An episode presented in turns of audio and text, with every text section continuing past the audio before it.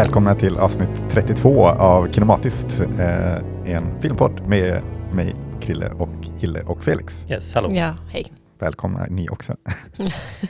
um, Oscar seasons approaching. Uh, det börjar komma den tiden när storfilmerna står som spön i backen nästan. Det kommer en efter en på biograferna. Uh, som brukar ha störst chans att uh, kamma hem priser nästa början av nästa år. Då. Mm. vi har sett en av dem igår, som hade premiär igår, Past Lives. Yes. Den ska vi prata mer om lite senare. Uh, men uh, vilka kommer den uh, slåss mot i Oscarskampen? vad, har ni, vad har ni för heta tips? som man ska betta på. Ja. Tänker du den som bästa film? Nu, Nej, jag vet inte. Men alltså... Mm. Um... Men det, det, känns ju som eh, folket vill i alla fall tycka att Barbie och Oppenheimer kommer vara med om att få en kanske bästa film-nominering. Det känns som att eh, kanske Nolan och Gerby kan få en bästa liksom regissör. Känns, Oppenheimer känns ju ganska ja. gjuten för att få en, mm. en väldigt många nomineringar. Många nomineringar. Ja, ja. tekniskt och visuellt och mm. alla de där grejerna. Kanske slå rekord. Kanske. I nomineringar. Jag vet inte. Det känns ja, som det kommer få, alltså som sagt, både tekniska aspekten mm. och musik och liksom skådespelare ja, kommer få några stycken och liksom allt annat. Den känns väldigt eh, vänlig till Oscar-kategorin, liksom att den, den fyller ett hålrum på något sätt, liksom, ja. över så här, en allvarlig biopic typ, liksom, av en etablerad eh, liksom, eh, regissör. Men det, Nolan har väl inte fått så mycket Oscars nomineringar. Han har ju gjort för typ liksom, superhjältefilmer förr. Mm. Och sen så Tenet fick ju typ av tekniska, det känns inte som att han är en Oscars-favorit, trots att han ändå är en publikfavorit. Men det är kanske lite också därför att han kanske inte riktigt har gjort någon film som har tilltalat juryn Nej. tillräckligt mycket. Men Nej. den här kanske gör det. Så nu jo, kanske det, det känns det definitivt. Det känns ja. ju lite som det är hans år ändå i år mm. på något Precis. sätt. Det känns som att han rör sig i rätt eh, teman och banor för att få den typen av nominering. Mm. Ja, Gerwig har ju alltså fått lite Oscar. Hon har ju fått en för screenwriting eller manusförfattande eller mm. adapt, nej, originellt manus tror jag. Eh, och har väl fått en eh, nominering som regissör för Little Women tror jag. Mm. Men det känns som att Barbie kan nog få några, bästa låt i alla fall kanske. Det mm. känns som att den ja, är given att få en nominering. Är, ja, jo men där kommer den ju ja, nominerad. Och man hoppas ju på Ryan Gosling som vi pratade om i det avsnittet får den bästa manliga biroll. Precis. Det känns ju nästan nåd. som det. Men jag, Eller? Jag berättade väl det för dig om I'm just Ken-låten som väl är väl den starkaste kandidaten tänker jag. Mm. Eh, att han som skrev den var ju så här, bara en skämtlåt mm. som man bara liksom, Uh, ah, jag drog ihop det här på en kvart typ och så, ja. så här gav han det till Greta Gerwig och bara, ah, här är svinbra, den måste med. Och så ja, blev det liksom mm. the thing från uh, filmen. Ja, men kommer de välja den? Jag undrar ifall de kommer ta Dua Lipa-låten typ, att de tar någon annan originell låt, liksom. För det känns som att de måste ju välja vilken de vill nominera. De kanske känner mm. så här, men det här är en mer allvarlig låt och typ så här, då kan Dua Lipa performa at the Oscars, känns det ibland lite som Ja, man ska, inte, man ska inte underskatta The Buzz heller. Liksom. Att det känns ju som I'm just Ken är ju den som alla liksom, ja. kommer ihåg och jo. som mm. används överallt. Ja, jag hoppas det. Liksom, jag tänker så här, Blame Canada var ju nominerad från South Park ja. när det begav sig. Liksom. Så det går ju att ha skämt, alltså liksom ja. oallvarliga låtar som ja. blir Kul. nominerade. Um, men uh, av, av det vi har sett så här långt annars då, är det, alltså, känner ni att det är någon som liksom sticker ut? Jag, jag tänker lite så här på typ skådespelare. Det känns ingen känns som det finns ingen så här Brendan Fraser i The Whale från förra året som alla säger okej, okay, han kommer vinna. Det är den här alla pratar om. Det känns som mm. ingen liksom performance som har stuckit ut så mycket. Fast det känns ju ändå som att Killian Murphy Jo, men inte på riktigt samma sätt. Nej, ändå. nej. Han, han kommer ju vara nominerad ja, såklart. Absolut. Eh, men, men det känns som det finns ingen så här helgjuten eh, som man liksom vet att ja, där, där var Oscar liksom. Mm, Eller? Nej men det är väl kanske, alltså om man jämför med allt annat då, mm. och eftersom att det kanske inte är någon supersjälvklar, så känns det ändå som att Killian Murphy är den mest självklara bland, bland de mm. som inte är så självklara, om ni fattar vad jag menar. Mm. Så då känns det ändå som att han blir den som står ut. Mm. Men nu har jag ju inte sett alla filmer heller, så Va? det är svårt att säga.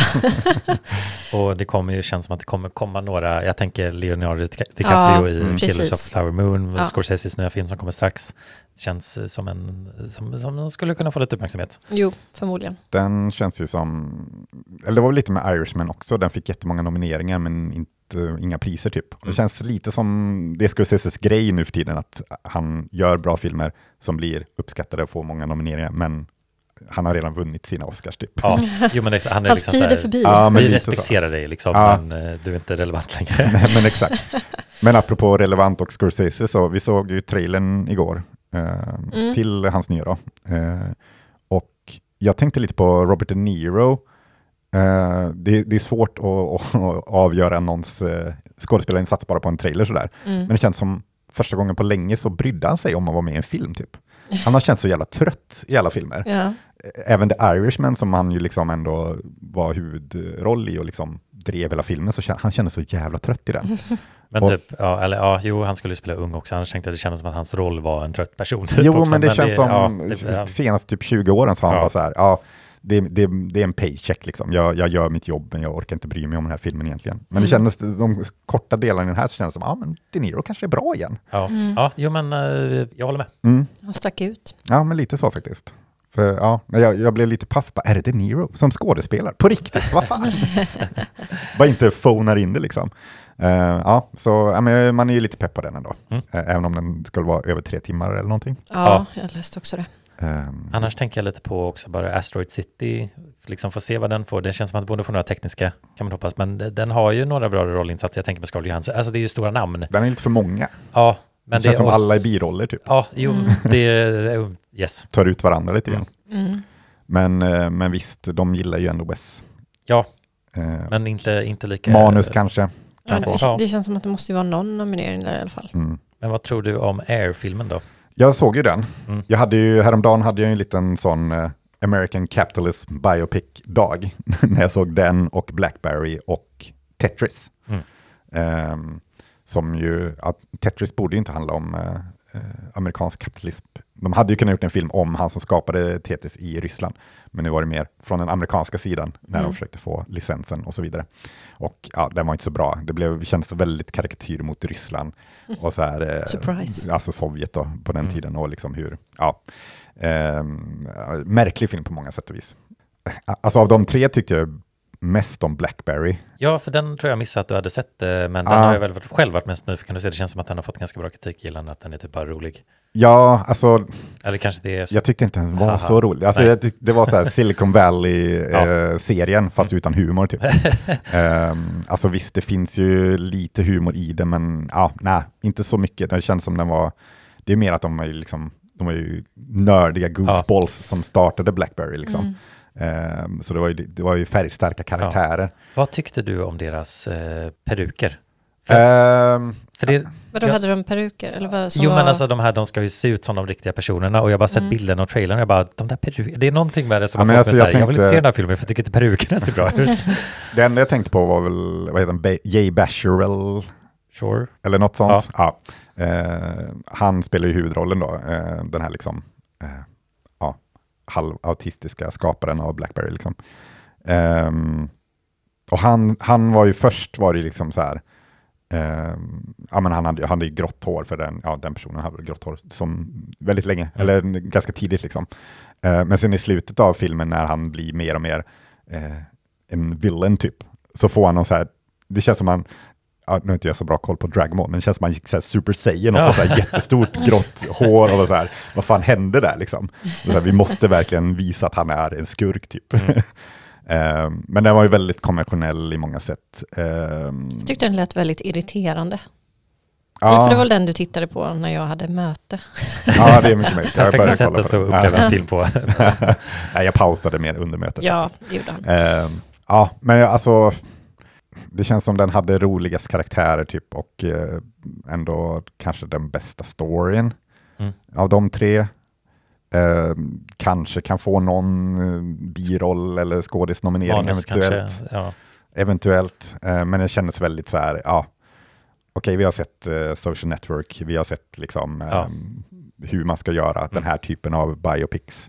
Eh, Så ja, Nej, den var okej, Mm. men, ja, men fortfarande lite nyfiken på den, mer än de andra två. Ja. Och Air liksom. Air var ju ganska, del, dels var den ju så här, eh, för alla utspel, eller eh, Blackberry är ju 90-talet eh, och in på 00-talet. Eh, Air är på 80-talet. Ja, och det är då 80-talet om eh, Nike Airs. eh, Precis, Och ben, när de, Afflecks eh, har regis- ben, Afflecks. ben Affleck har regisserat. Ja, exakt. Så han spelar också en biroll där, eller som Nikes eh, eh, grundare, grundare och mm. ordförande. Eh, och Matt Damon då spelar någon som letar basketstjärnor som de ska kunna signa till Nike för att ja, sponsra. Ja. Liksom. Mm. Och då är det ju Michael Jordan är draftad och det är honom han är ute efter. Mm.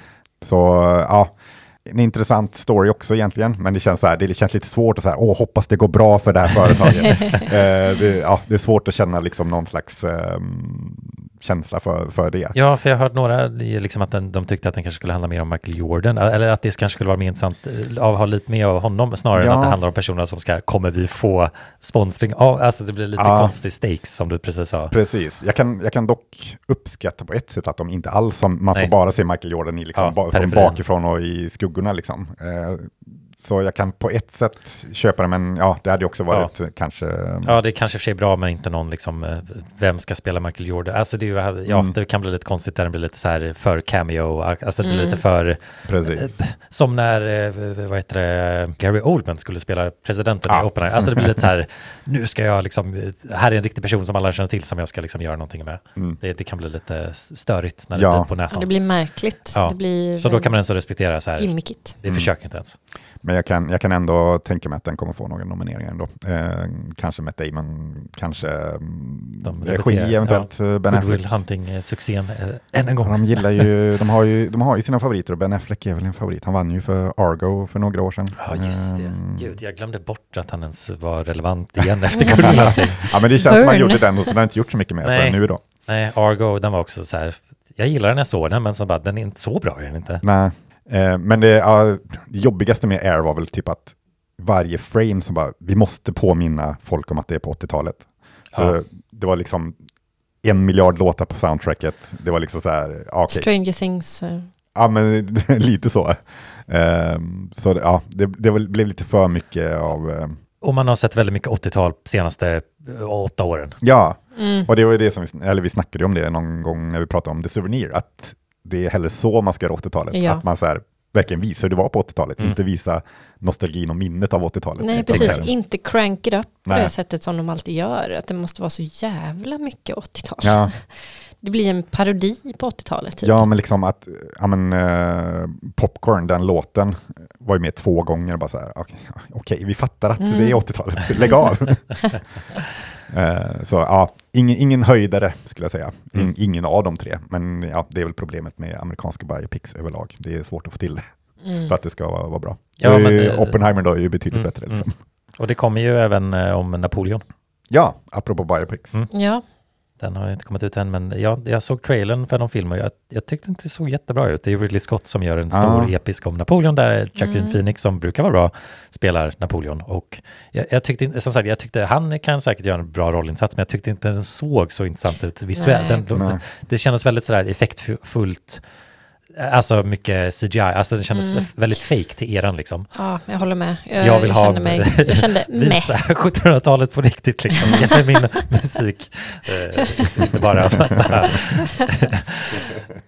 massa bara pastischer som man ja. har sett tusen gånger förut. Yep. Ja. ja, nej men jag håller med. Det känns som en film som man ändå kommer väl se men, jag klarar mig om jag inte ser den. Ja, men, ja, men precis. Det ja, känns lite, lite ointressant. Ja, men lite mest intresserad av honom och hans rollinsats. Liksom. Mm, Annars mm. så känner jag mig inte särskilt sugen på, jag brukar inte tycka att Ridley Scotts filmer är så bra. Nej.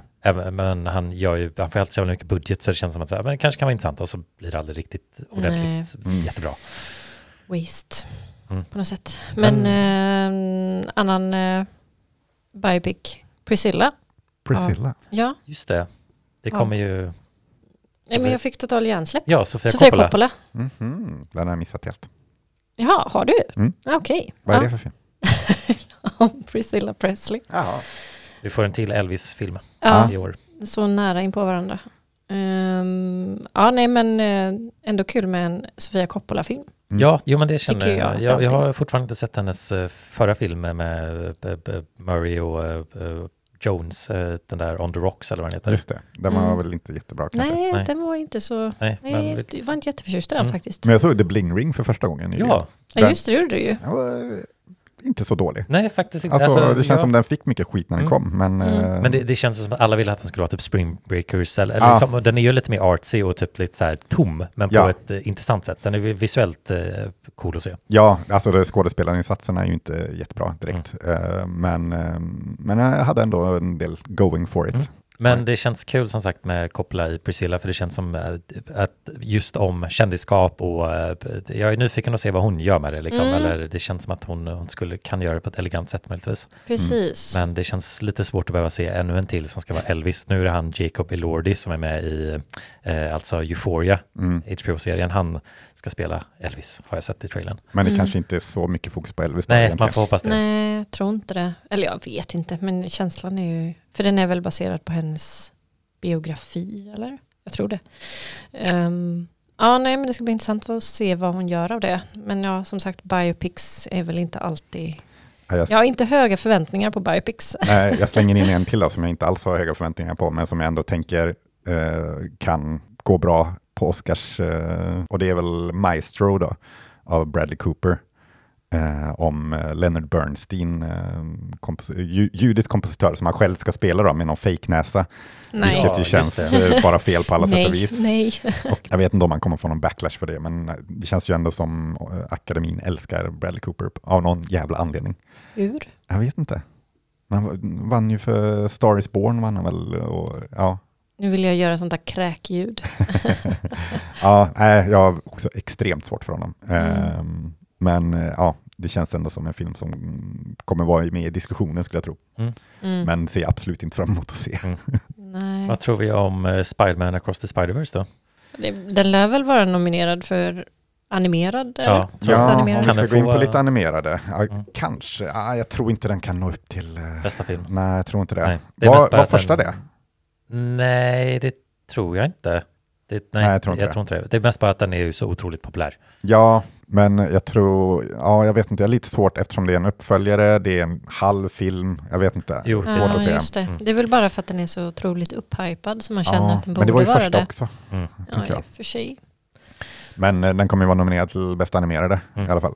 Men The Boy and the Heron måste väl ändå vara det, eller? Ja, jag, det brukar vara, är det bara tre som brukar vara nominerade till bästa animerade? Ja, det är färja, men det känns som att den kommer få så här, kanske Japans Oscarbidrag, så den kanske får liksom bästa utländska film, bästa animerad, eller nomineringar. Kanske. Um, jag, tror, jag, tror den kommer, jag tror det är de två nominerade och sen är det kanske, I don't know. Uh, Pixar gjorde väl Elemental, men den känns som ingen har pratat om eller nej, sett överhuvudtaget. nej, alltså jag, nu när jag kollade igenom en lista här med alla potentiella eh, så såg jag den och bara, ja just det, den här existerar. Ja. Nimona kanske kan ja. bli nominerad. Ja, mm. det hade ju varit trevligt ja. om den blev. Men eh, apropå utländska då. Eh, det blev klart igår, tror jag, eller häromdagen bara, vilket som är Sveriges bidrag. Och det mm. var ingen film jag någonsin har hört talas om. Men eh, Motståndaren heter den. Va? Eh, ja, eh, någon brottningsfilm eh, av något slag. med, okay. med något, eh, om det var något iranskt ursprung av något slag. Jag vet inte. Mm. känner inte alls till den filmen. Nej. Men den gick upp i höstas, eller i våras tror jag. Okej, okay, för annars tänker man ju, eller jag vet inte om den kommer ut 2023, men jag tänker bara de som var lite kan-nominerade med Holy Spider och äh, eller vad de... Men Holy Spider är väl dansk va, tror jag. Ah, just det, och, men det var ju den andra svenska som var ju... Strunt jag kommer inte ihåg namnet på den nu. Nej. Ja, det är ju många samproduktioner där tänker jag, så det är väl kanske... För jag tror, jag tror Holy Spider nog räknas som dansk film mm. faktiskt. Det var att man såg så mycket posters där, för det var väl typ Triart som var med och kanske... Ja, ah, jo men det är, det är en samproduktion liksom. Ja. Så det är Sverige med på ett hörn yes. säkert. Men, mm. Eh, men jag tror den räknas som dansk. Eh, men ja, man får väl önska lycka till då till den eh, mm. svenska filmen. Det kommer ju förmodligen inte Nej. vara i närheten. Nej. och jag tänker väl att det känns väl lite som kan Guldpalmen-vinnaren Anatomy of a Fall, eller Fritt fall som det heter på svenska då. Att den kommer ta bästa utländska. Ja, den också. fick Guldpalmen. Gud, det känns som jag också har missat det. Ja, ja. jo men den, den vann Guldpalmen. Mm. Och det känns väl som den ligger bra till för bästa utländska film. Mm. Ja, men den är jag nyfiken att se. Mm. Ja, den går ju på bio nu också. Mm. Eh, mm. Så den får man ju kika, spana in.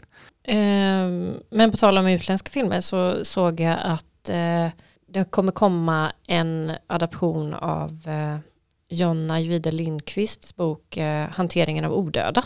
Jaha. Fast i Norge, en okay. norsk Ja, det hade jag ingen som helst aning om. Eller jag hade ju hört om att det snackades om att det skulle göras film av den, men jag visste inte att det skulle göras en norsk film av den. Hantering av Öjdöda. Någonting sånt. Absolut. Förlåt Norge. ja, precis. Nej, så Kåre Eda har ju en film som väl har kommit, eller ska komma. Just det. Uh, Monster heter den, tror jag. Monster, ja just det, det här tror jag läste någonting och, och också Christian Petzold har ju en film på gång också. Ja. Som typ har kommit. Uh, Ember eller Fire eller något A Fire heter den. Mm. Vem är det, eller vad har han gjort? Men det är ju Undine och... Transit. Ja, Transit. gud, jag kan aldrig komma ihåg vad han heter. Jag älskar ju hans filmer. Eh, så, men den tror jag, jag tror den finns att streama någonstans redan. Mm. Eller den, den har kommit i alla fall. Mm, eh, Okej. Okay. Så det, det, finns en del intressanta utländska filmer. Ja, jag såg också att eh, Hamaguchi ska komma med en ny film. Alltså Drive My Car mm, etc. Mm. Eh, som heter Evil Does Not Exist. Intressant. Ja, den är jag taggad på att se också. Mm. Och sen så har vi Poor Things som vi inte nämnt. Den har vi inte nämnt. Nej, och, jag vet inte, det är väl kanske inte en grekisk produktion, men Yrgos gör väl inte riktigt. Nej, det är en gre grekisk regissör ja. bara. Um, men den, den kommer ju vara med i diskussionerna och mm. den kommer väl kanske återkomma till när den väl kommer på bio i Sverige. Yes. Mm. Tycker jag. Ja, det känns så dåligt att den inte kommer till Sverige. Ja, ja det är ju också det där jobbiga med Oscarssäsongen, är att så här, det kommer februari 2024, eller liksom det kommer alltid året efter. Så jag, jag tittar mm. också på bara vilka filmer jag sett i år som kom ut i år och det är ju inte jättemånga. Det blir ju mer att man liksom har lekt catch-up med det som kom ut 2022 nästan. Mm. Men Poor Things ska bli intressant. Den ser ju väldigt snygg ut. Ja, mm. och som sagt, eh, ja, men, men det känns som vi kommer viga ett avsnitt åt den, mm. förmodligen.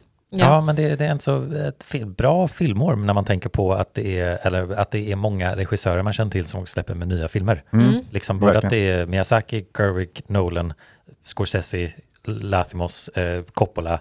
Eh, Fincher kommer ju med The ja, Killer också som inte ens har nämnt. Nej, mm. David Fincher ja. Eh, så att det är ganska stacked ja. när det kommer till etablerade regissörer liksom. Man kan, ja, det kan väl ha lite att göra med pandemin också, tänker jag. Att så här, folk har börjat kunna arbeta senaste ja. två åren typ. Ja. Eh, och, och de det kan... ger frukt mm. nu typ. Och även kanske här, vi väntar, vi vill liksom mm. släppa så vi kan tjäna så mycket pengar som möjligt liksom. Precis. Men ja, ehm, det ska väl sägas också att de här filmerna vi pratar, eller det vi pratar nu är kanske inte våra favoritfilmer från året, utan det är ju mer de Oscars tippade ja, lite precis. åt det hållet. Det kan jag väl bara nämna, bara för att det, på tal om biopics, det känns som att det, det är ju verkligen en genre som har fått ett uppsving sen typ Bohemian Rhapsody och lite innan, men det kommer ju också Michael Manns Ferrari. Just det. Med Adam Driver som Mr Ferrari. Ja. Eh, jag vet inte vad, hur den kommer vara. Han får spela en till italienare efter. Ja, jag tänkte precis. House of Gucci var man ja. också. så fort vi ska ha en italiensk biopic mm. så vem ringer vi? Vi ringer Adam Driver. Yes. Men jag förstår ju varför Driver gör den filmen, för han vill ju jobba med Michael Mann liksom. Ja. Det, det, det, känns ju som att man, en sån skådis som lite samlar sig regissör liksom. Han känns ju inte så relevant heller längre i och för sig. Nej. När gjorde han något senast? Ja, det, Hit för 30 år sedan. Äh, Annette. Jaha, Michael Mann. Ja, Michael Mann. Ja, jag bara säga, det var inte Michael Mann som gjorde den. Michael Manns Annette. ja, det hade varit spännande. Uh, ja, men uh, man ska, för jag gjorde ju en lista över mina tio Oscars bästa filmnomineringar. Ja, kör igenom. Och eh, kvinnliga bästa fem. Eller ja, fem kvinnliga och fem manliga huvudroller. Mm. Ja, men uh, kör, eller eh, det är inte veck, Nej, det är inte veckans lista, det är bara en bonuslista. Nej, men bästa film så tror jag, jag tror Oppenheimer, jag tror Barbie också kommer att bli nominerad. Det är så många, ja. så det är liksom, de slänger in allt möjligt. Mm. Uh, Poor Things tror jag kommer vara nominerad. Killer of Flower Moon, Scorseses då. Mm. Uh, Past Lives, som vi ska prata om mer alldeles strax. Jag, jag, tror faktiskt Air också slängs in där av någon anledning. Jag tror kärleken till Ben Affleck är för stor. Så han kommer få Den är för stor. Den är för stor. Uh, Napoleon kanske, mm. ändå. Mm. Um, för att den ska vara så här storslagen på något ja. sätt. Uh, Maestro tror jag också, som sagt, de älskar ju Bradley Cooper lika mycket som älskar Ben Affleck.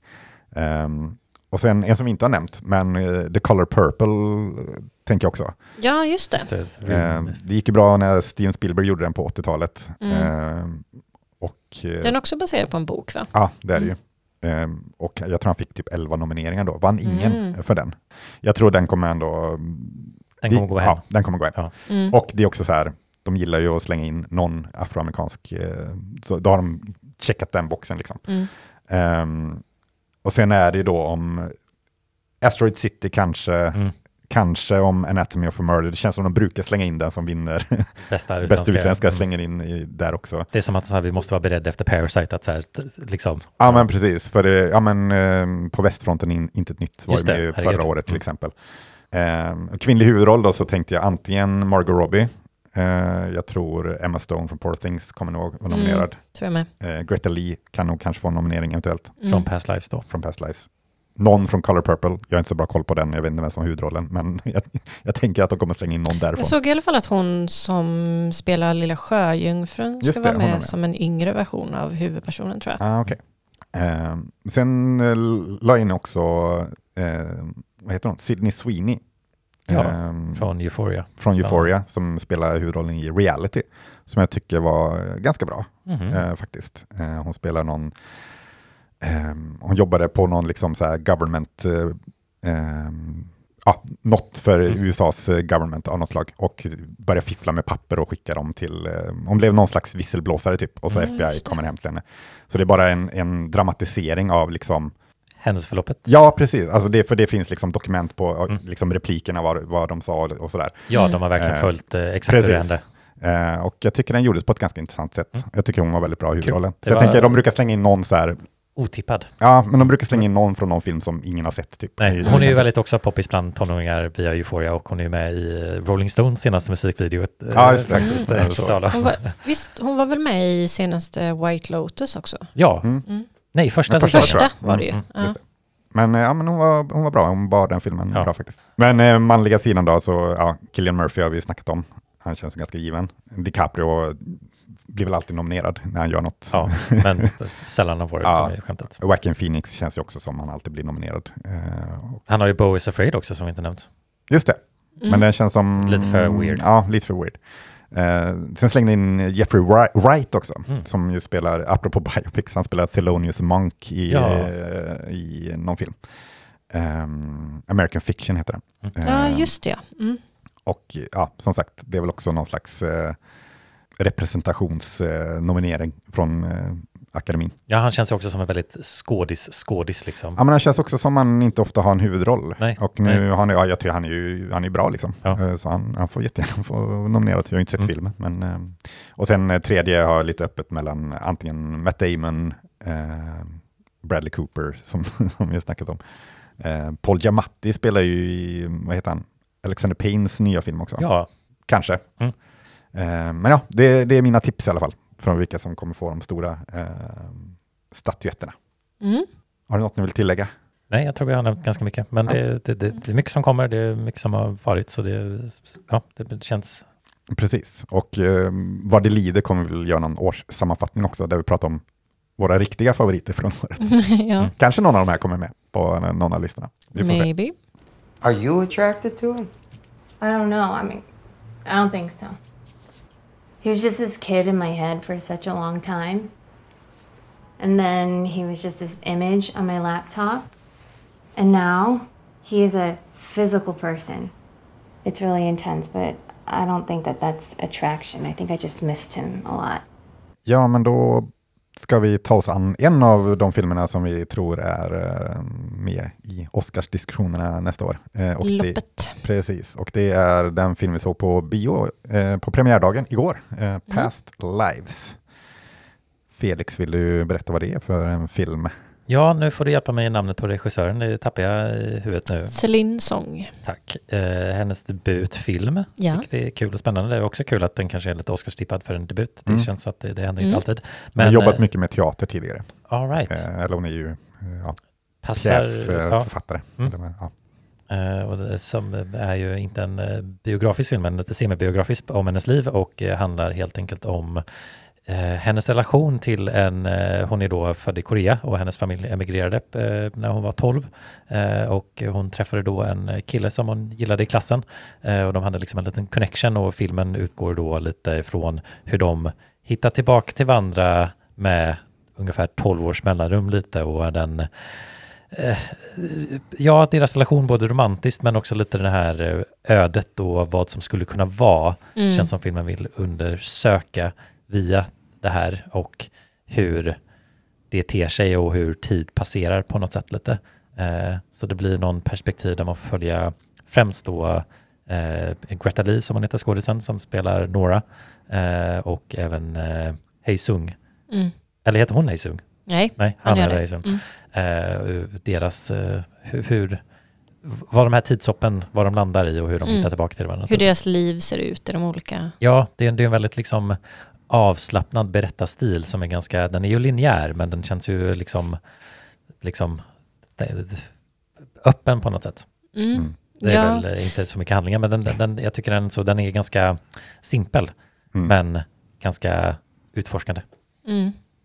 Ja, den, det känns ju inte som att den har, no, alltså inte riktigt de typiska, det typiska narrativet och så vidare. Nej, Nej, det blir ju lite mer, man känner ju tydligt den här Linklater-influensen av mm. tid som passerar från hans Before Sunrise, Before Sunset-filmer. Det här blir ju, det var, jag tror jag någon som jag läste som skrev att det är liksom den trilogin, fast det är en film istället. Ja, det var exakt så jag tänkte. Ja. Var det jag som skrev det? Nej, det var det. Men jag tänkte så när jag såg filmen. Ja. ja.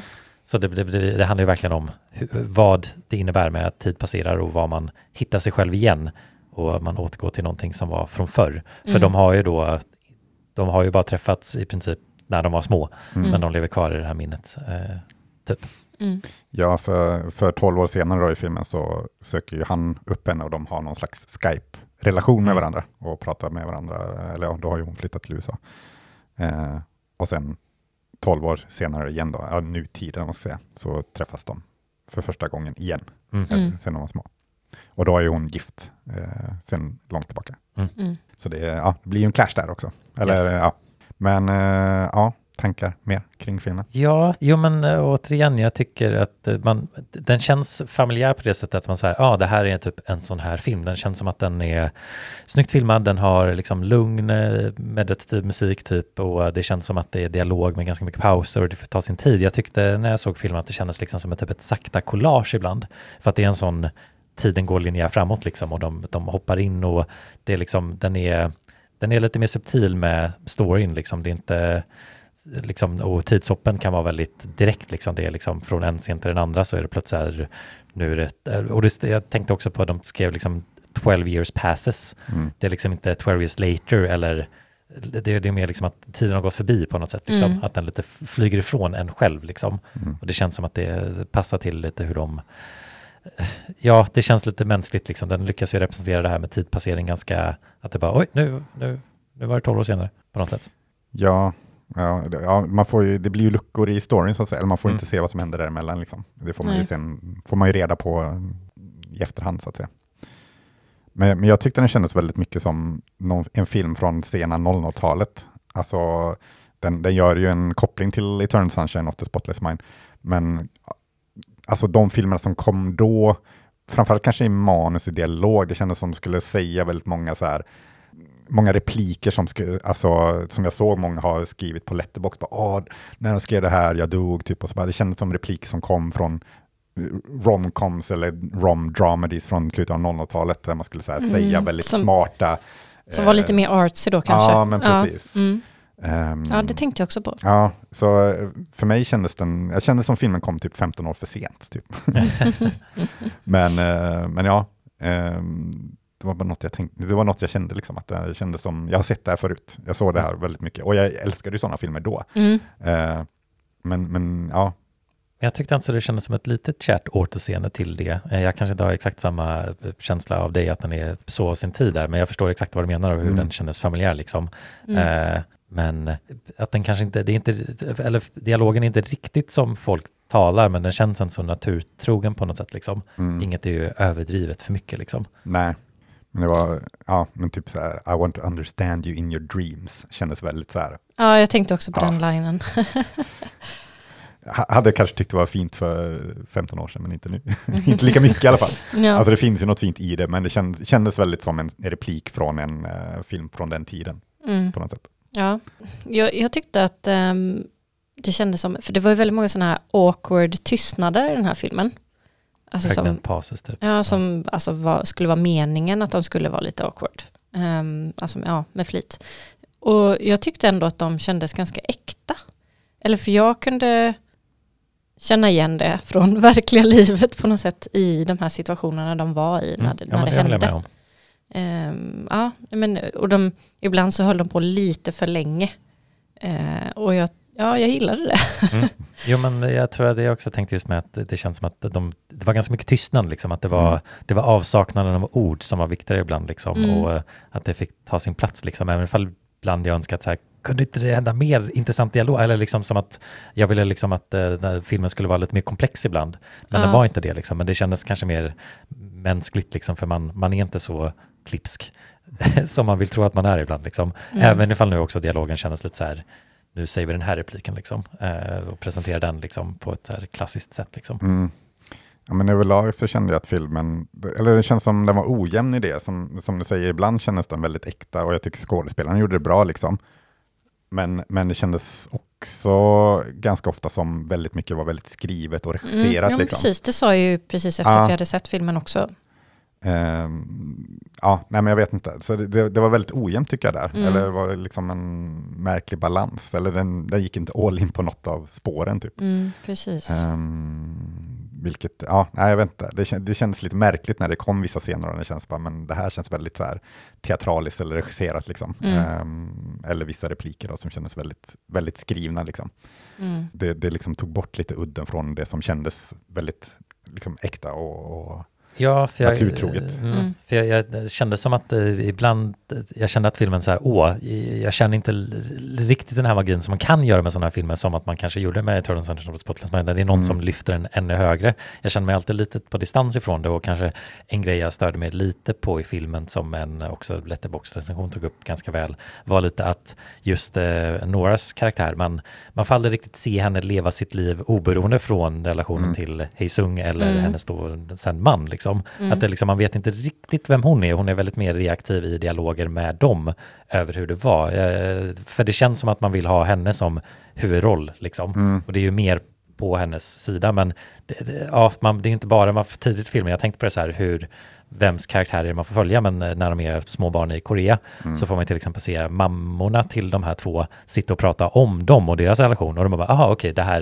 det är inte bara från hennes perspektiv liksom. Mm. Uh, jag tror jag ibland saknade lite tydligare vems blickar vi ska följa här typ liksom. Mm. Uh, för jag tyckte nog några var mer intressant än Hei Sung, i alla fall kring hur de visade hans liv i Korea. Mm. Det, var, det var också fascinerande och han får ju representera liksom något mer traditionellt och den, den tar ju också upp, eh, vilket jag tror säkert många connectar till just hur det är med den här, ja, vara en första generations immigrant liksom och lite den connect, dissonansen som blir när man har lämnat sitt hemland mm. och sen har någon som kommer därifrån, eller liksom den upplevelsen tyckte de, så den spänningen, den interna konflikten i några med typ att här, han är så koreansk säger hon liksom mm. i några mm. tillfällen liksom och hur det får vara och just eh, typ eh, att hennes nuvarande man inte kan känna några på det sättet, för han växte inte upp i Korea, han är inte mm. koreansk, liksom. han kommer aldrig förstå det på det sättet. Liksom. Mm. Det tyckte jag inte så var intressant att lyfta fram som eh, en konflikt. Liksom. Mm. mm.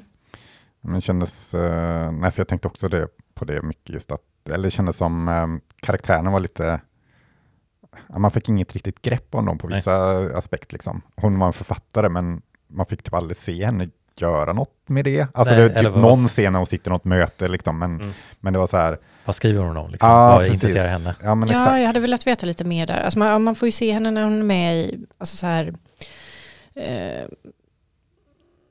auditions eller ah. att de eh, line, vad säger man?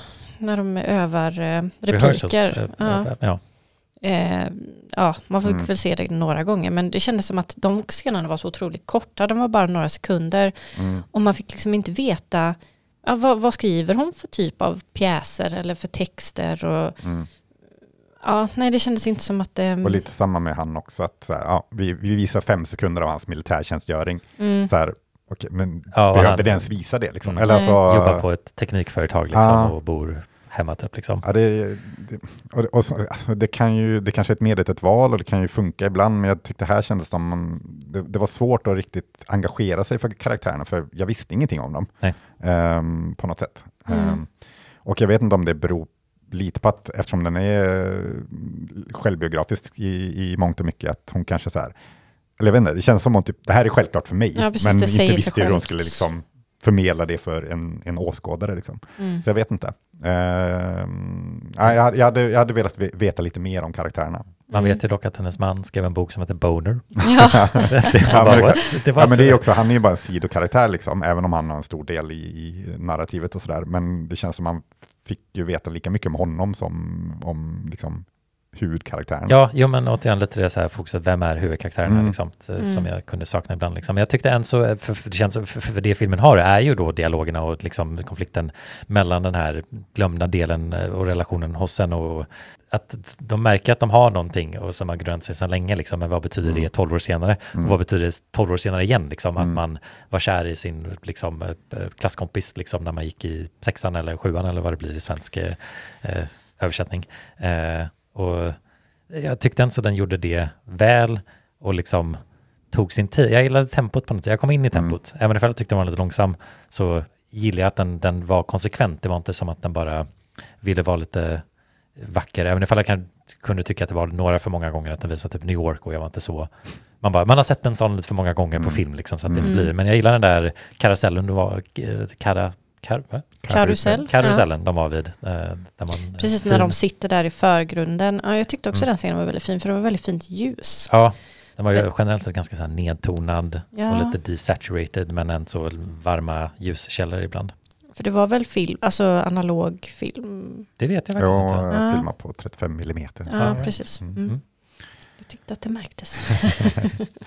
men jag tänker på en av de scener som jag tyckte var kanske som var en så bra, jag tänker på scenen i baren mm. som filmen öppnar med, som jag tyckte mm. var ett kul sätt att ja, öppna filmen med. Eh. För filmen öppnar då med att det, man får höra en, en person som man aldrig får se i filmen bejaka de här trion då som man vet att man kommer få träffa, som är då Nora, Heisung och mannen. Och de försöker så lista ut så här, vilka är de där i relation till varandra liksom? Som, som man brukar göra ibland när mm. man sitter och ja. ja det var, på folk. Ja, och det var ett intressant liksom så här, att man får, man får själv som åskådare vara med i den här bara, vilka är det där? Varför känner de varandra? Liksom, det var... ja, fast jag blev också bara, fast det är ju obvious. alltså, jo, jo, jo, jo, för man, man är ju insatt i filmen lite sen innan liksom. Eh, men eh, det var kul tycker jag. Och sen mm. så är det ju tillfredsställande när man väl kommer till den scenen. Mm. Och man liksom så här, man inte så haft den i huvudet så här, ja men det här, det här kommer ske, just det liksom. Mm.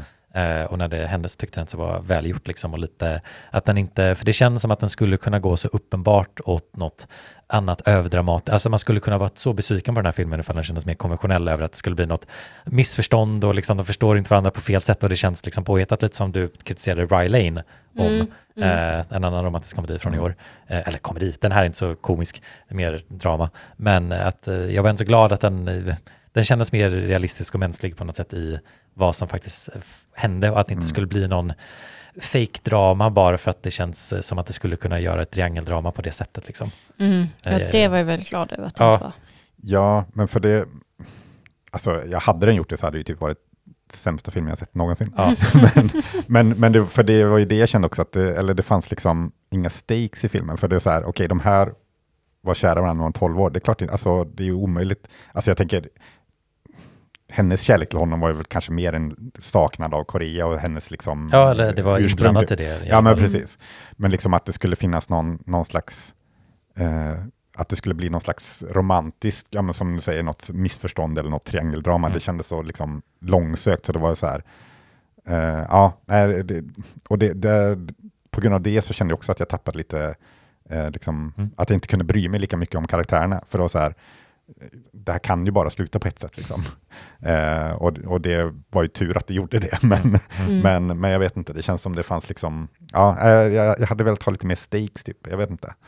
Jag, vet, jag ser inte att det var dåligt att det blev, alltså att storyn var som det var, men jag känner att jag fick lite svårare att bry mig ja. eh, om vad som skulle hända. För jag, för jag tror jag gillar det än så att den utforskade och var inte, att den, liksom, den gjorde det den ville göra och den var ganska tydlig med det och liksom den tog sin tid med det. Men kanske då, som jag sa tidigare, någon liten avsaknad av komplexitet kring mm.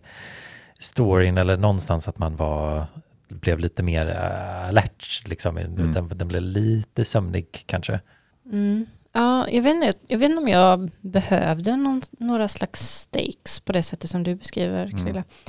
Uh, jag tycker att det kändes tillräckligt med som det var. Eller alltså det behöver inte alltid vara det, tycker jag.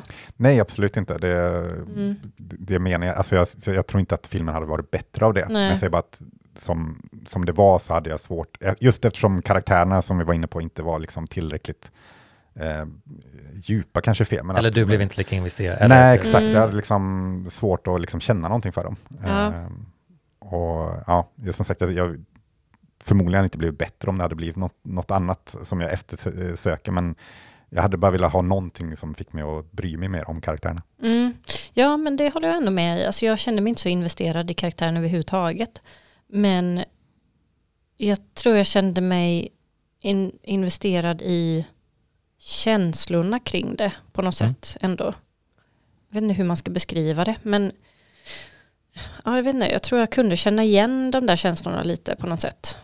De kändes ganska verkliga tycker jag. Mm. Um, hur, jag vet inte ens vad det är för någonting, men bara liksom när, när det är något på, på något sätt någon um, missed opportunity, eller ja, jag mm. vet inte opportunity, men, ja, men någonting som mm. hade kunnat vara men som inte blev, men det skulle aldrig kunnat vara, mm. men man vet fortfarande inte, ja, typ någon mm. sån grej. Nej men jag, jag tycker det, filmen handlar mycket om det och hur man mm. hanterar de känslorna och, och de får göra det och liksom med varandra liksom, mm. Heisung och Nora då, men även också, jag tänker åter kommande så frågar han så här, ah, vilket pris vill du ha nu? För att som ung säger Nora att hon vill ha ett Nobelpris och sen säger hon att hon vill ha Pulitzerpris och sen säger hon att hon vill ha en Tony. Liksom också, jag tycker det är intressant hur eh, hon skiftar ju ner i kanske prestige till de här prisen med ålder. Mm. För man inser att det är inte rimligt, men det är också hur man tappar den ambitionen. Det känns lite som att för hennes karaktär handlar ju mycket om att hon vill fylla sitt liv och ha ambitioner liksom. Mm. Och uh, jag tänker att den här, varför hon kanske gillar Hisung är ju också att han ser henne fortfarande som någon som kommer göra det. Ja. Medan mm. typ hennes nuvarande make så här, nej men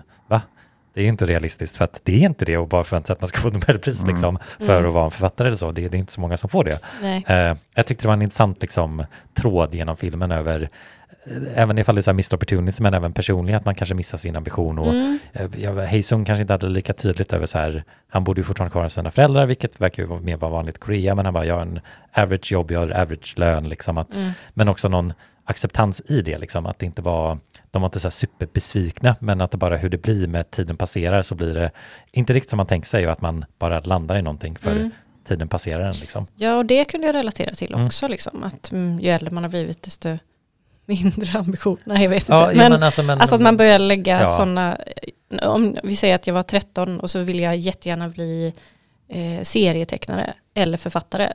Det, har jag, det vill jag ju inte längre. Nej. men eh, men ja. jag får bemöta den ambitionen med alla som är yngre, men jag tycker inte så att eh, man har ju också samlat på sig massa saker under tiden. Mm. Så att man har ju ett rikare liv, men man, man, tar det lite för givet liksom. Mm. Eh, det låter spexigt med ett Nobelpris, men man bara, jag kanske vill ha en lägenhet och en liksom, ja. och ett jobb jag gillar. Typ, liksom. Mm, det så. ändras mm. alltså med tiden och omständigheterna. Men den, ja, jag, jag tyckte den så fick fram det, men kanske att den skulle, den, den skulle kunna handla ännu mer om det också på något sätt. Mm. Men det är väl också då man skulle haft en tydligare, så här, det handlar om några bara liksom. Mm. Ja. nu blir det liksom lite uh, all over the map. Mm. Ja, jag tycker ändå att det är en bra debut. Mm.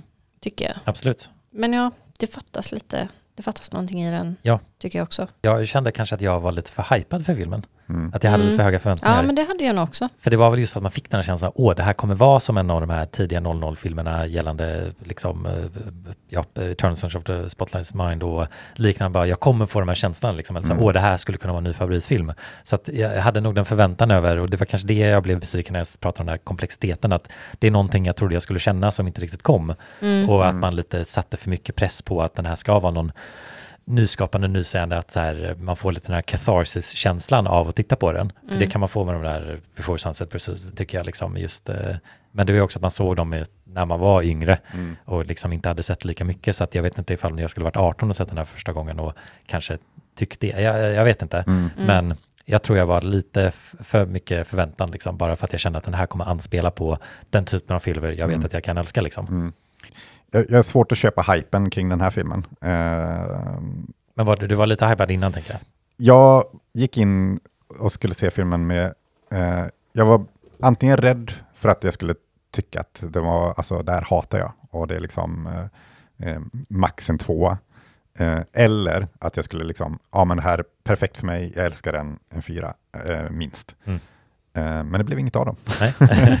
så ja, Um, så så ja, men just, just inför hypen så var jag, ja, jag var både liksom antingen så funkar det eller så gör det inte det. Mm. Men eh, sen, sen ja, den, den motsvarade ingenting vad jag Nej. trodde innan egentligen. Mm. Men, men jag, jag, förstår inte riktigt att den är så hyllad ändå. Alltså, det, är, det är absolut inte en dålig film. Eh, men den är inte fantastisk den är ju, den är ju inte något utöver det vanliga tycker jag. Eller? Men det kanske är en liten avsaknad av den här typen av filmer på senare tid. Ah. Alltså jag, jag, jag, kan inte komma på så många exempel, alltså nu tänker jag typ senaste två, tre åren mm. som har den här tonen och lite att det känns ja, en, liksom att en liten torka på typ bra romantiska filmer. Men mm. hur var du med hype? Ja, um, ja nej, men jag hade nog också lite för höga förväntningar. Um, så på det sättet så blev jag väl lite besviken faktiskt. Men tyckte ju fortfarande att den var bra. Mm. Men det, det, är lite intressant med den här, det känns som, lite som en våg av så Asian American, den här typen av filmer på senare år ändå. Uh, Minari.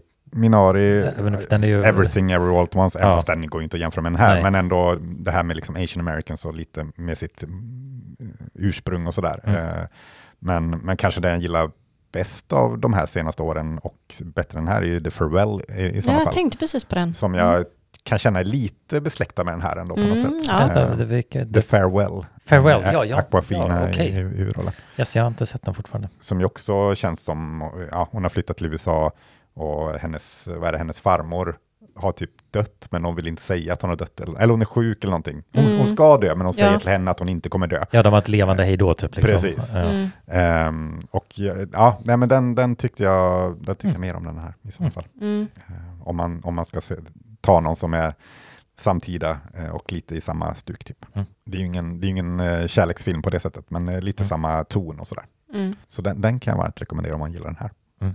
Ja, jo, det håller jag med om. Fick komma och tänka också bara på att den här filmen skulle kunna varit lite som In the Mood for Love, bara att liksom det är en romans där ingenting händer. Mm. mm. Liksom, men det, det blev det lite sissling, men inte riktigt på, Nej, inte på inte, och inte gjort på samma sätt. Jag, jag vill inte jämföra de två, men jag vet hur mycket Krille gillar den, så att jag vill inte ja, säga nej, att du ska säga nej, den är inte det. Fattar ändå vad du menar, det finns nej. några slags eh, ingredienser som mm, är... Men blickar och liksom osagda saker liksom, som mm. ju eh, In the Mood for Love typ lever på. Mm. Eh. Ja. Men det känns som att In the Mood for Love, där är den poetisk utan att kännas ansträngd i sin poesi på mm. något sätt. Men ja. Jo, den, den är ju också sådär, typ första gången som, vad är det? Den, den har komplexiteten som mm. den här inte mm. har, typ. Ja. Och också massa tidshopp. Ja, och den för ju också in, den, det är väl någon sån här buddhistisk eh, grej som de snackar om i den. Och den här, eh, Past Lives pratar ju om den här in, Injun-grejen, ja. Om tidigare liv och så vidare. Mm. Um, som, som, ja, som sagt, hade jag varit yngre så kanske jag hade tyckt att det var romantiskt och härligt, men nu kändes det lite ja. forcerat på något sätt nästan. Mm. Jag, ehm. jag, gillade det, men jag tyckte, eller det kändes väldigt tydligt och klart och gjorde typ lite så här, ja det kommer igen och de pratar om det mm. på det här sättet. Och jag känner inte att jag kan vara alltför kritisk bara för att det gjorde det typ, det, det var som att den gjorde det, det rätta valet, mm. men det blev lite tråkigt. Ja. Liksom. Ja, det, nej, det, var, det, blev inte irriterande, nej, men det nej. höjde heller inte upplevelsen och det, för mig det är lite, kanske min, jag känner med filmen också, att den, den, gjorde alla rätta val, men det gjorde den också lite kanske, inte förutsägbar, men i alla fall inte så spännande mm. i upplevelsen att titta på den på något sätt. Men det, det känns ju också så här, för en debut, liksom så här, väldigt rimligt, eller jag vet inte. Mm. Eh, återigen kanske förväntningar liksom att man skulle mm. säga den ska vara helt nyskapande, men det kanske är lite för mycket pressure att sätta på en, en film, speciellt en debut. Ja, när jag bara tänkte på, eller medan jag tittade på den så tänkte jag, om den här filmen bara hade lite annorlunda, alltså hur den, stilen, alltså hur den var filmad, eh, musiken, ljuset eh, och kanske lite annorlunda i dialogen, så hade det typ varit en så här, ja men det hade kunnat vara någon slags romcom från 90-talet som egentligen inte är så bra. Eller jag tänkte att det, fann, det var inte så eh, många steg ifrån någonting. Alltså storyn var ganska basic ändå på det sättet. Mm. Att det, hade den bara, nu känns det som man blir nästan lite, ja det kanske är lite oschysst att säga, men lite lurad av att den är filmad på det här sättet och färgerna och fotot, allting musiken. sånt, mm. poesin, musiken. att det, ja, men jag, ja. Mm, och att det kanske inte är så långt ifrån någon sån här dum Eh, Mer uppenbar manipulativ. Romantisk, ja. ja men precis, men jag vet inte. Samtidigt så är det väl kanske bara det som skiljer det åt ibland. Och mm. att det är det, de grejerna som gör att man tycker om det och att det är bara ja. det som är skillnaden. Och den här landar ju på rätt sida. Liksom. Ja, precis. Så det är väl kanske en ja, jätteonödig det... input. Nej, men jag, jag, jag tänkte lite samma sak. Eller så jag, jag ja. tänkte liksom, ja, men hade det här varit Tom Hanks och Meg Ryan i den här mm, filmen, mm. hade någon gillat den här då? Alltså, ja, yngre då obviously. Ja. Men eh, eller, ja, men lite Sleepless in Seattle-vibes. Jag bara tänker på att de är ju också två olika städer, de eh, liksom möts inte och de tänker de är ämnade för varandra. Liksom. Mm. Nu, nu, är ju, nu är ju liksom eh, hennes koreanska ursprung och hela den biten är ju så stor del i den här, så det, är ju svår, det går ju liksom inte att göra om den med, med bara alltså, vita amerikaner så att nej, säga. Nej, precis. Så det blir ju en helt annan film. Men, ja. men jag tänkte så här, om det inte hade varit Asian Americans, hade den varit lika hypad och hyllad då? Alltså, jag vet nej. inte, det känns... Nej, den hade fattats några lager där som mm. hade gjort det liksom intressant. Ja, för, för liksom hade det varit, uh, ja jag vet inte, typiskt klassiska vita amerikanska skådespelare så hade jag ju hatat den här filmen. Ja, men det skulle ju inte varit, eller ja. Nej, men som vi sa, det hade ju inte varit samma film. Liksom. Nej, Nej, precis, det, det går egentligen inte att jämföra Nej. kanske. Nej. Men... men hela den här, liksom, okej, okay, träffa någon man hade, som man älskade, när, eller tyckte om när man var liten, och sen mm. träffas igen. Det skulle kunna gjorts ändå. Liksom. Ja, med eh, ödet och tapp, Ja, precis. Mm. Och då hade den varit outhärdlig film, tänker jag. Ja, förmodligen. Ja. Det är ändå intressant att tänka i de banorna ibland, mm. tycker jag att ta ett steg tillbaka på något sätt och analysera lite mer och bryta isär det. Mm. Men ja, samtidigt så kanske man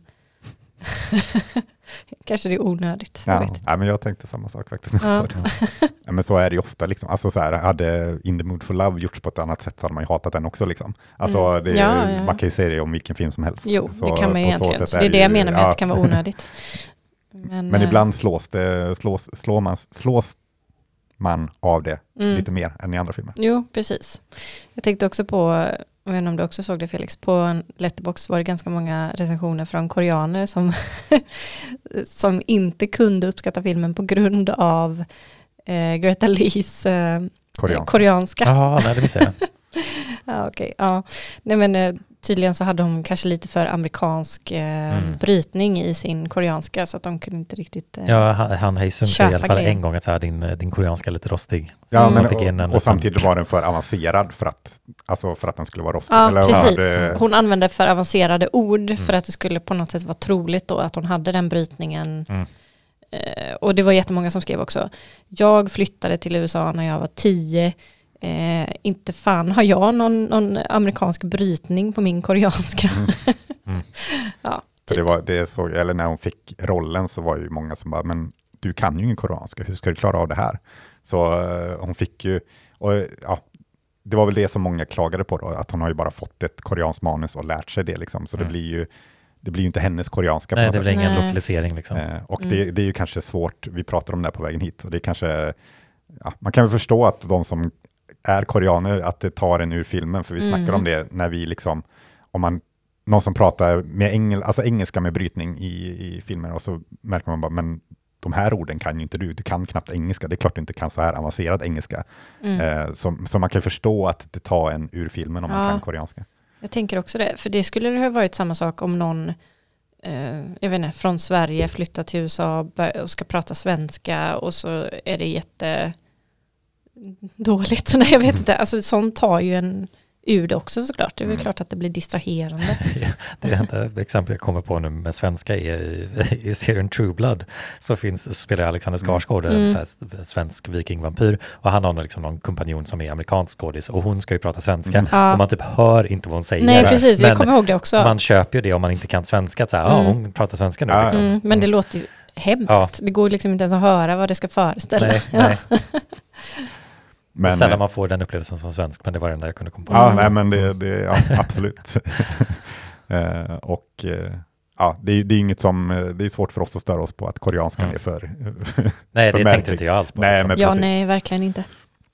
Så det, det, och jag tycker det är hårt av de som, det var någon som liksom skrev om filmen som att det var typ en fyra eller femma, men sen på grund av det här så satte de en två och halva betyg och det känns lite hårt. Alltså. Det är alltså. sånt, sånt långt drop där ja. liksom. Det, kan det verkligen vara så mycket som skiljer? Ja, nej. Det är som min favorit, bara eh, sidospår, men min favoritrecension från eh, filmtipset kanske har nämnt det någon gång här redan, mm. men om Pearl Harbor.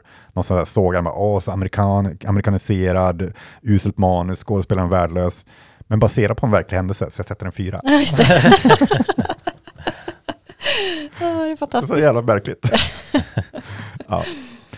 Eh, men apropå det, ska vi sätta betyg eller har vi mer vi vill se? Jag tänkte bara, eh, hur tror vi deras, dess Oscar-chanser är? Eller liksom, eh... Jo, men jag tror det kommer bli nomineringar. Jag mm. tror, som sagt, jag hade ju mer än både henne som eh, huvudroll och eh, eh, filmen som bästa film. Ja. Tror jag nog absolut kommer med. Eh, mm. Det är väl också att de vill ticka av Asian American-boxen, tänker mm. jag. Hon kanske får regissören få så bästa manus eller någonting. Det känns inte som ja, att de brukar ge bästa regi till debutanter så ofta. Nej, nej det känns som det ska mycket till. Men, ja, men några, några nomineringar kan det nog. Mm. Eh, kan vara hem. Ja, men det tror jag. Svårt att eller, se mm. kanske att den kommer vinna så mycket. Nej. Men eh, ja, den kommer vara med där i alla fall. Mm. Men ja, betyg. Um, ja, nej men eh, tänkte först en trea, men jag crankar upp lite där med en halv, tre och en halv, för, eftersom att jag blev lite tårögd på slutet ändå. en halv stjärna för, för eh, tårar. Ja, men det brukar, det känns som att det ofta är så för mig. Om filmen har fått mig att gråta så brukar ja, det nästan alltid bli, ja, kanske till och med en, en, en till stjärna. Men ja, nu känner jag kanske factor. inte. Ja, precis. Ja, ja jag, jag satte en trea. Um, kanske, alltså, vi får se vad den gör med, med tiden vad jag känner. Eh, men eventuellt kanske två och en halv nästan. Jag, jag, jag blev inte så tagen av den och jag, eh, men, men som vi var inne på tidigare, den var inte så, så jag tyck, jag, den var inte irriterande på det sättet jag var rädd att jag skulle tycka innan. Men den var inte så fantastisk som jag hoppades att jag skulle tycka mm. heller. Mm. Så den blev någon slags mittemellan. Ja, nej, men en trea är väl ändå ett rimligt betyg. Mm. Ja, jag tror, jag har varit lite tvetydig också. Jag känner att eh, antingen så är det en väldigt stark trea eller så är det en svag fyra. Mm. Jag känner inte en tre och en halv av någon anledning. Jag vet inte varför. det borde ju vara det naturliga ja, ja, Men det, det, känns fel på något sätt. Mm. Eh, kanske inte ens landade på en fyra. Jag tyckte inte att det fanns eh, det känns som att jag har svårt att ge den för mycket kritik eh, bara för att den gjorde de rätta valen på något sätt. Mm. Och det kunde vara lite tråkigt ibland, men bara så här, nej men det känns bra och jag tyckte att man, man kan meditera på tematiken filmen gör och den gör det ganska tydligt och bra, även ifall jag inte tyckte det var så spännande alltid. Men jag vet inte vad jag skulle landa ifall jag skulle se om den efter lite tid liksom. Jag känner nog inte att den kanske kommer växa på mig, men eh, ja, jag, jag, tror jag behöver mer känna av ja, varför gillar jag den? Alltså att jag var mm. lite överhypad liksom. Mm. Så jag känner nog en, en svag fyra. Ja. Mm. Men en som fyra. Do you believe in that? Because we're sitting here at the same table in the same city at the same time. Mm-hmm. Yeah, wouldn't that make this Indian? That's just something Koreans say to seduce someone. Ja, vi avslutar som vanligt med en eh, lista från mig eh, och den här gången eh, apropå att det var Celine Songs regidebut så tänkte jag lista de fem bästa regidebuterna från 2020-talet. Ah. Så det är mm. nya regidebuter. Mm. Eh, jag, jag, tänkte ta all time, men det, det, blir svårt. Det blir för många att välja mm. mellan. Eh, så vi tar senaste ja, tre åren helt enkelt. Eh, och på femte plats, jag ger en delad femte plats till två lite så här internetinspirerade filmer typ. Men jag tog med Skinamarink mm. som vi pratade om, av Kyle Edward Ball. Eh, men också um, We're All Going to the World's Fair ja. av Jane Schoenbrunn. Men eh, två väldigt eh, unika filmer på något sätt. Men eh, ja, spännande, spännande och väldigt, eh, känns som väldigt 2020-filmer på något sätt båda två. Mm. Ehm, så de får en delad femte plats. Eh, på fjärde plats så tar vi av Dean Fleischer Camp och det är Marcel the Shell with Chuson. Ja. Um, ja, det, det har vi också pratat om någon gång, tror jag. Kan ja, det, har vi. Det har vi. Mm. Uh, men ja, väldigt mysig film. Uh, på alla sätt uh, En till A24-kompanjon. Ja, precis. Uh, så den får en fjärde plats. på tredje plats så lägger jag från 2020 The Father av Florian Zeller. Mm. Också mm. från teater. Han gjorde ju mm. den som teaterpjäs först och sen gjorde han den som film också, som var hans filmregidebut. Då. Mm. Och eh, ja, men jag gillar den väldigt mycket. Mm. Eh, han har ju sen gjort den bedrövligt betitlade filmen The Sun, som han gjorde förra året tror jag, som känns bara jättemärkligt att han gör en film som heter The Sun. Kommer nästa film heta The Holy Ghost så blir jag galen. eh, och The Sun ska inte vara så bra heller. Nej, jag har, jag har sett också eh, halvdan kritik mot den. Men, men det farade bra. Eh, mm. Så en bra debut i alla fall. På andra plats så blir det från 2021 en eh, belgisk film från eh, Laura Vandell heter hon som gjort den och det är Playground. Mm. Ja. Som ju var väldigt hyllad under filmfestivalen här i Göteborg för ja, något år sedan. Ja, både från oss två. Ja, eh, den tyckte jag väldigt mycket om. Väldigt eh, eh Dardenne-brödernas, eh, ja, väldigt lik deras filmer som ju också kommer från Belgien. Ja, eh, men tydligt, eh, tydlig på något sätt, eller ja. liksom filmad med, med, medvetenhet. Ja, men väldigt välgjord på alla sätt och vis mm. och väldigt, ja, mycket bra. Det är mycket närbilder i den, eller? Ja, mm. ja precis. Ja, den är väldigt, ja, från barns perspektiv mm. och kort fokus. Och känns mm. märkligt och ja, otroligt att göra den som debutfilm. Eller det känns väldigt starkt som debutfilm.